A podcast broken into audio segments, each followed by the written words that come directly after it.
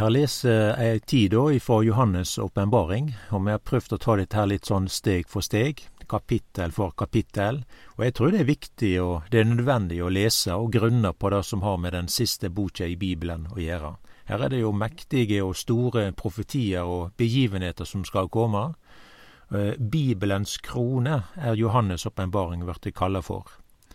Vi sier jo dette her i trosvedkjenninga rundt om både i kyrkje og forsamlinger hver søndag, at Jesus skal komme att og dømme levende og døde. Og når vi sier dette der, og bekjenner det, så eh, må det jo være noe interesse òg for å vite litt eh, grann om hva er dette her for noe, og hva er det for ting som skal komme til å skje.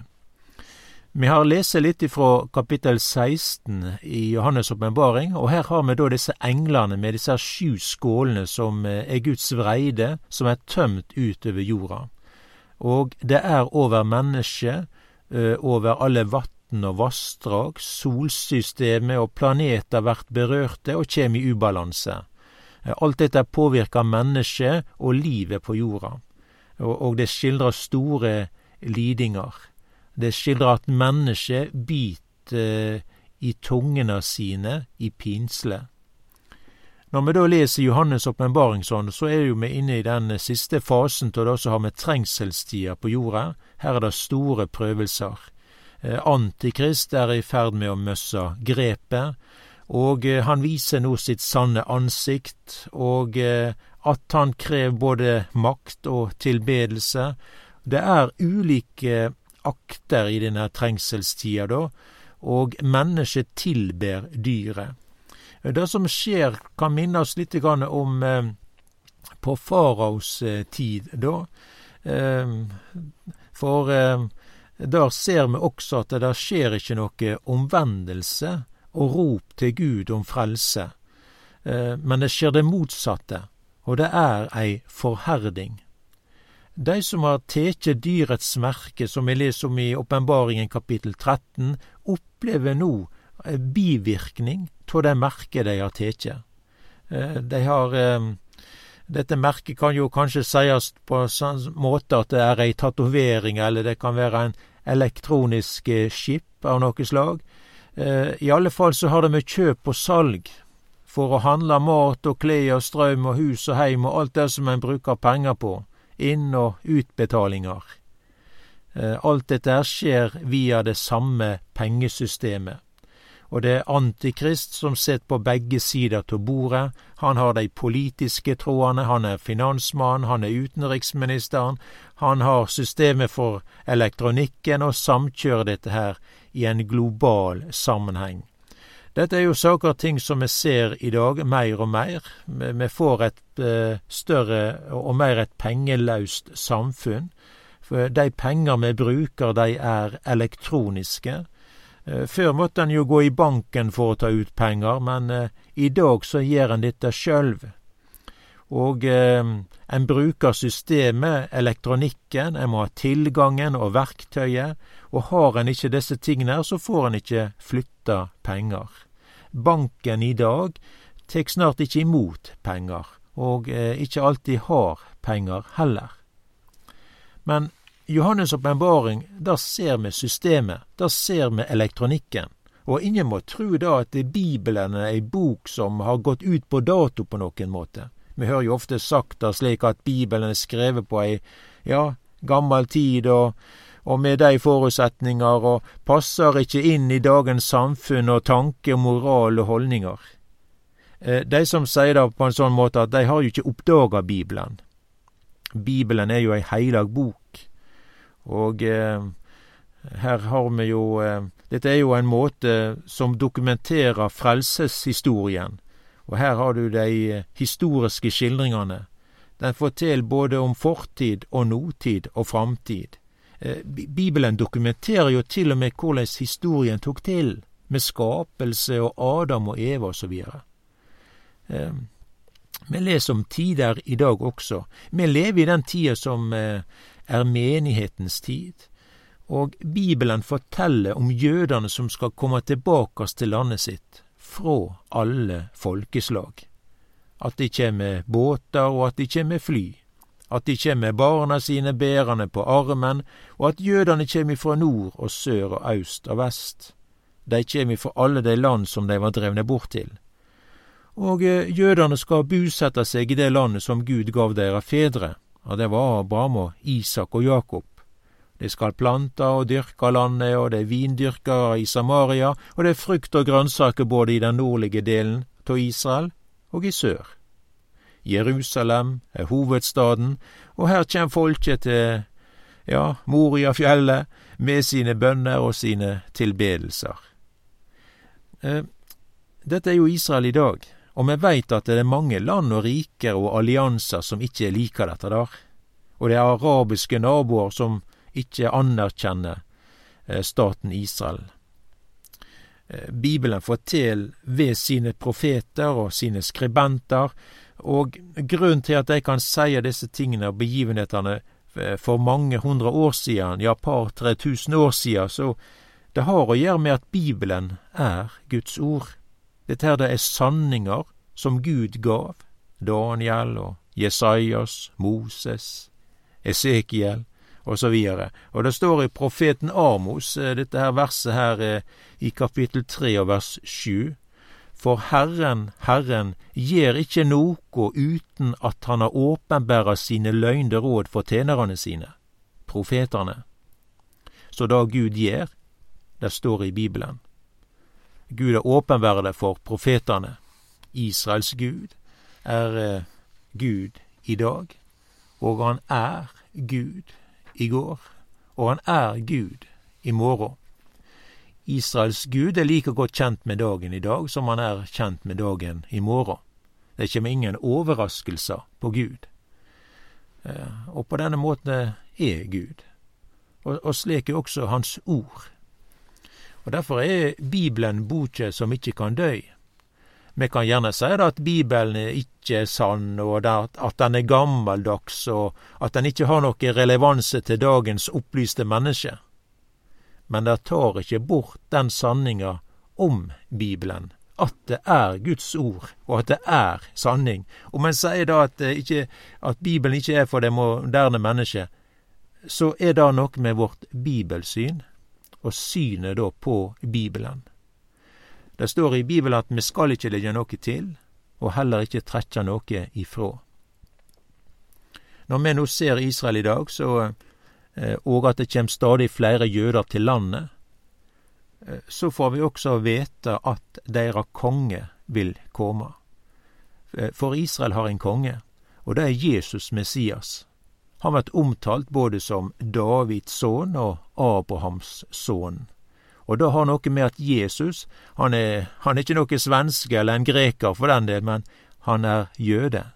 Han er en av jødisk ett og tilhørighet og derfor er Jesus den rettmessige arving til Davids truna i Jerusalem.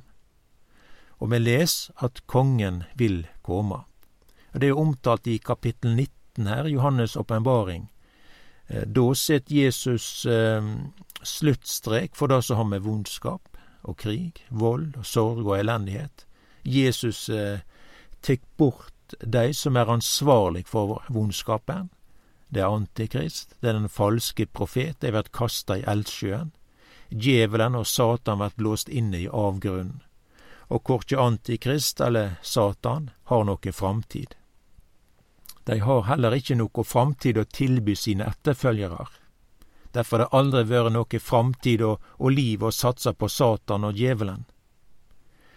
Når Jesus kjem att sånn, så eh, kjem han da til Oljeberget, aust for Jerusalem, og i aust, da har du jo også soloppgangen.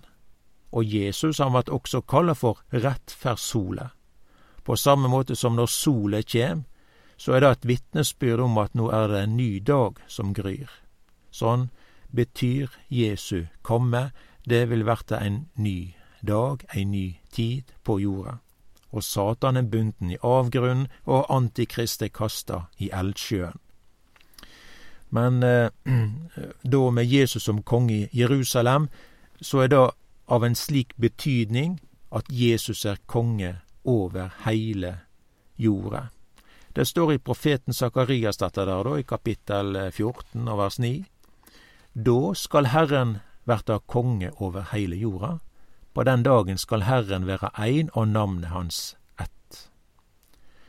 Så nasjonene og riket og de folkevalgte, de synes dette her er store og mektige ting, og de reiser til Jerusalem for å ha samtaler med kongen, Jesus Messias. Og det står omtalt, og det er skildra i Jesajas boka, for eksempel, kapittel to der. Jeg kan nå lese de eh, versene sånn, at eh, i de siste dager skal det hende at eh, fjellet der Herrens hus står, skal være grunnfest på toppen av fjellet og løft høgt over alle høgder. Og alle hedningefolk skal strømme til det. Mange folkeslag skal gå av stad og seia, Kom, lat oss fare opp til Herrens berg, til huset åt Jakobs Gud, så han kan lære oss sine vegar, og vi ferast på hans stiar. For fra Sion skal lovlære gå ut, og Herrens ord fra Jerusalem. Han skal døme mellom hedningefolket og skifte rett for mange folkeslag. De skal smi sverda sine om til hakkar og spyda sine til vingardskniver. Et folk skal ikke lenger løfte sverd mot et annet, og de skal ikke lenger lære å føre krig. Og dette her er jo noe som ikke har skjedd før i historien. Dette er noe som vil komme til å skje. Og dette er Guds rike på jorda. Det er Guds rike på jorda. Eh, det er et forbilde på det evige Guds rike som kjem. Og når Jesus blir konge der i Jerusalem, så er det bare godt. Da er det ingen dårlige nyheter på den tida. Og dette her, det har da en lengde på tusen år som Jesus er konge. Eh, dette er da den tida Satan er bunden, og eh, etter disse årene her, så vil han verta slept laust, den bonde, ei kort stund. Og da vert det store testspørsmålet om han fortsatt vil ha Jesus som konge i Jerusalem, eller om han vil ha djevelen og Satan som herre. Det kan sjå ut som at mennesket velger Satan. Og da viser jo også da, som Bibelen forteller, at mennesket elsker mørket framfor lyset. Og så er det skildra videre her i Johannes' åpenbaring hvor Gud setter en stopper for det heile, og bretter sammen både himmel og jord som et teppe, og Gud helt dom for den store, hvite trona. Og dette er jo omtalt i kapittel 20 i Bibelens siste bok, her er det en dom både for små og store. De blir dømde etter sine gjerninger, og da blir det dømt etter sine gjerninger, det vil si det samme som å gå fortapt. For vi mennesker har ikke så gode gjerninger at, skulle være, at det skulle være tilstrekkelig for å verte frelst på. I så eh, tilfelle så ville jo Jesu død være forgjeves. Vi mennesker blir frelst ved gjerninger, og det er ikke noe som vi sjølve har gjort, men det er noe som Jesus har gjort. Og det som Jesus har gjort, det er tilstrekkelig. Da er det da opp til hver enkelt hva vi vil satse på. Og det samme det gjelder jo i dag òg, og til alle tider som har vært. Og dersom mennesket satser på seg sjøl, så går en fortapt.